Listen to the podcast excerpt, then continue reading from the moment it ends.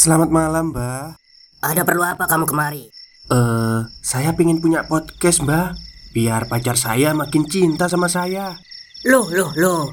Mau bikin podcast kok tanya dukun? Sekarang kamu download aplikasi Anchor.fm. Di situ kamu bisa buat podcast gratis dan podcast kamu bisa didistribusikan ke platform mana pun. Dan di aplikasi atau website Anchor.fm juga terdapat fitur-fitur yang memudahkan kamu untuk membuat podcast. Oh, gitu ya, Mbak.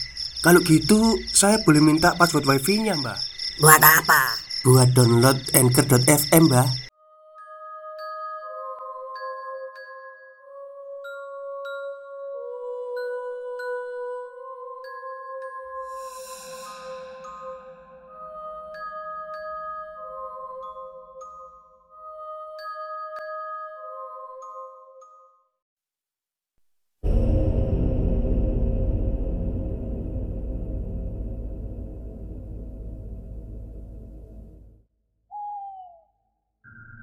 Assalamualaikum warahmatullahi wabarakatuh. Halo semuanya Jumpa lagi dengan saya Chow Sing Sing Kurator dari Podcast Horror Night Story. Halo apa kabar semuanya? Ya semoga kalian semua sehat-sehat ya. Dan seperti biasanya pada malam hari ini Saya kembali dan akan menghadirkan sebuah kisah mistis Untuk kalian semua Kisah mistis kali ini saya datangkan dari tweet twitternya Mas Dio Seta Mengenai bocah yang membawa sebuah wabah penyakit. Seperti apa kisahnya? Mari kita simak. Hei tunggu! Aku berlari mengejar layanganku yang terputus karena kecerobohanku. Sepertinya layanganku terbang ke hutan jati Aku berusaha mengejar dan mencarinya. Cukup lama sampai akhirnya layanganku terlihat tersangkut cukup tinggi di pohon jati. Perlahan aku memanjat untuk meraihnya. Terlihat pemandangan seluruh desa dari atas sini. Tidak lama, langit terlihat sudah mulai gelap. Aku segera mengambil layanganku dan turun dari pohon. Namun, ada sesuatu yang menarik perhatianku. Sebuah rumah yang terlihat terpisah dari desa di antara pohon-pohon jati dan hutan bambu. Langit mulai gelap. Aku sedikit merasa kesulitan untuk menemukan arah kembali ke desa. Sepanjang aku berjalan, yang kulihat hanya pohon jati saja Awalnya aku merasa biasa saja Sampai Sayup-sayup aku mendengar suara dari dalam hutan. Aku menghampirinya Berharap itu adalah warga desa yang kukenal. Tidak cukup jelas Yang kulihat hanyalah bayangan beberapa orang berukuran pendek Yang mengelilingi beberapa jembangan Atau kendi tanah liat berukuran besar. Aku mencoba mendekati namun, belum sempat aku ke sana, seseorang menarik tubuhku. "Shh, meneng, ojo merono." Ucap seseorang yang menarikku tadi. Seorang kakek berambut putih dengan janggut panjang menahanku untuk mendekat. Aku menurutinya dan mulai menjauhi tempat itu. Lah, Kenapa mbah? Mereka siapa? Tanyaku Kakek itu tidak menjawab. Ia terus memperhatikan makhluk itu Yang perlahan pergi meninggalkan kendi-kendinya. Ah, wis-wis aman. Kakek itu meninggalkanku Dan pergi memeriksa kendi Yang ditinggalkan orang-orang tadi. Aku menyusulnya Bermaksud menanyakan arah keluar dari hutan ini namun, saat aku mendekatinya, tanpa sengaja aku melihat isi dari kendi itu, dan spontan aku menutup mulutku. Bau amis tercium dengan sangat pekat dari benda yang berbentuk seperti organ tubuh manusia itu. Aku segera mundur dan menahan rasa mualku. Nah, ngopo kowe sik nang kene? Dang mulai. Itu pergi kamu ke arah barat. Itu jalan keluarnya. Pokoknya kamu pergi berlawanan sama arah hutan bambu. Nanti pasti ketemu sama desa. Perintah kakek itu marah. Aku menuruti perintahnya dan segera berlari meninggalkan hutan jati di tengah gelapnya malam. Benar apa kata kakek itu? Akhirnya, aku melihat perbatasan desa. Suasana desa terlihat lebih sepi dari biasanya. Aku memperlama jalanku untuk mengatur nafas sekaligus memikirkan alasan apa jika nanti ibu tanya. Belum sampai ke rumah, sesuatu yang aneh menyita perhatianku. Terdengar dari salah satu rumah tetanggaku suara anak-anak yang sedang tertawa cekikikan. Padahal lampu di rumah itu terlihat gelap.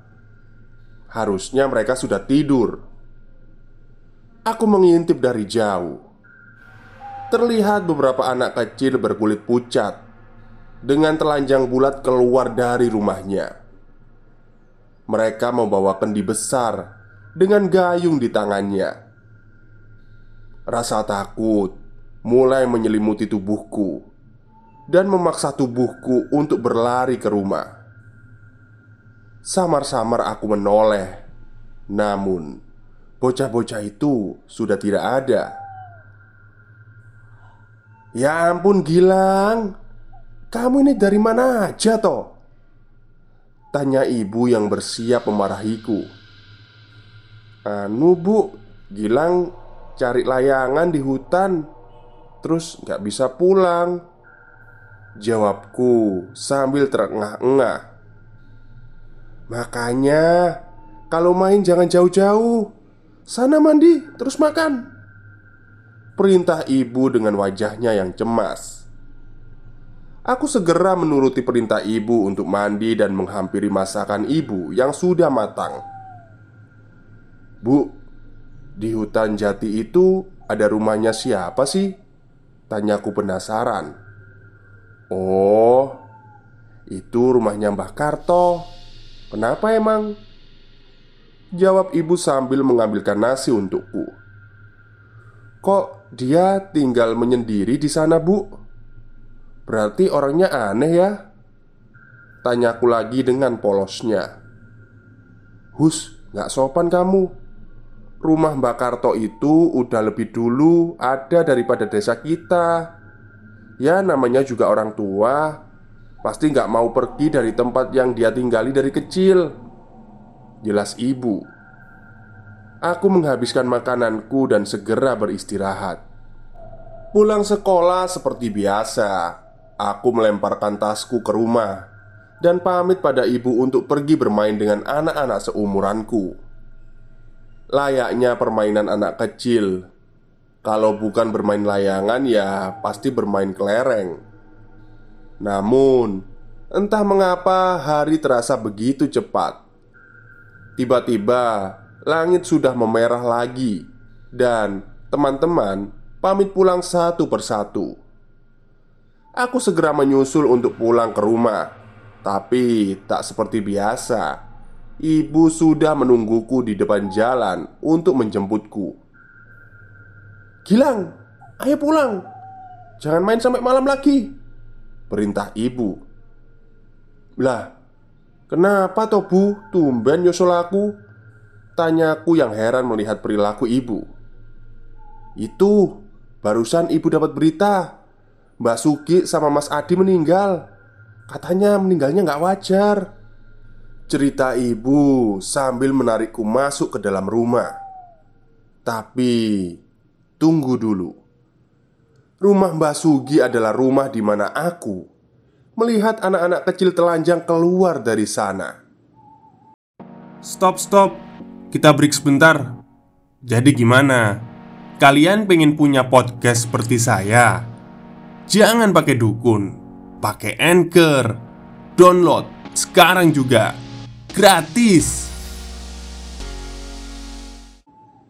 Di rumah ibu menceritakan semuanya. Katanya, Mbah Sugi dan Mas Adi sehari sebelumnya sehat-sehat saja. Tapi semalam tiba-tiba sakit panas dan siangnya meninggal. Karena kejadiannya berbarungan, warga merasa ada yang aneh. Layaknya seorang anak kecil, aku tidak terlalu peduli. Namun, ibu dan bapak terlihat was-was. Saat aku tidur, mereka tetap terjaga hingga lewat tengah malam. Dan benar saja, besoknya kami mendengar kabar mengenai kematian salah seorang warga dengan cara yang sama. Hal ini terjadi terus-menerus. Keadaan desa semakin mencekam saat itu. Saat hari semakin malam, warga tidak ada sama sekali yang keluar dari rumah. Namun, warga tetap bergiliran mengadakan ronda. Beberapa rumor tersebar dari desa lain bahwa ini adalah perbuatan makhluk halus, sehingga warga berjaga-jaga hingga lewat tengah malam di rumah masing-masing agar makhluk itu tidak masuk ke rumah. Hal ini berlanjut hingga beberapa minggu, dan benar keadaan kembali menjadi aman dan tidak ada korban lagi. Hari ini bapak terlihat lelah. Seharian ini ia bekerja di kebun salah satu seorang juragan yang sedang panen. Biasanya bapaklah yang tidak pernah absen untuk lelean atau begadang. Namun, karena merasa keadaan sudah aman, jadi hari ini tidak ada yang begadang untuk menjaga rumah. Malam ini aku bermimpi sedikit aneh. Aku seperti mendengar ada suara benda yang dipukul-pukulkan dan diiringi dengan suara seperti well wo, well wo.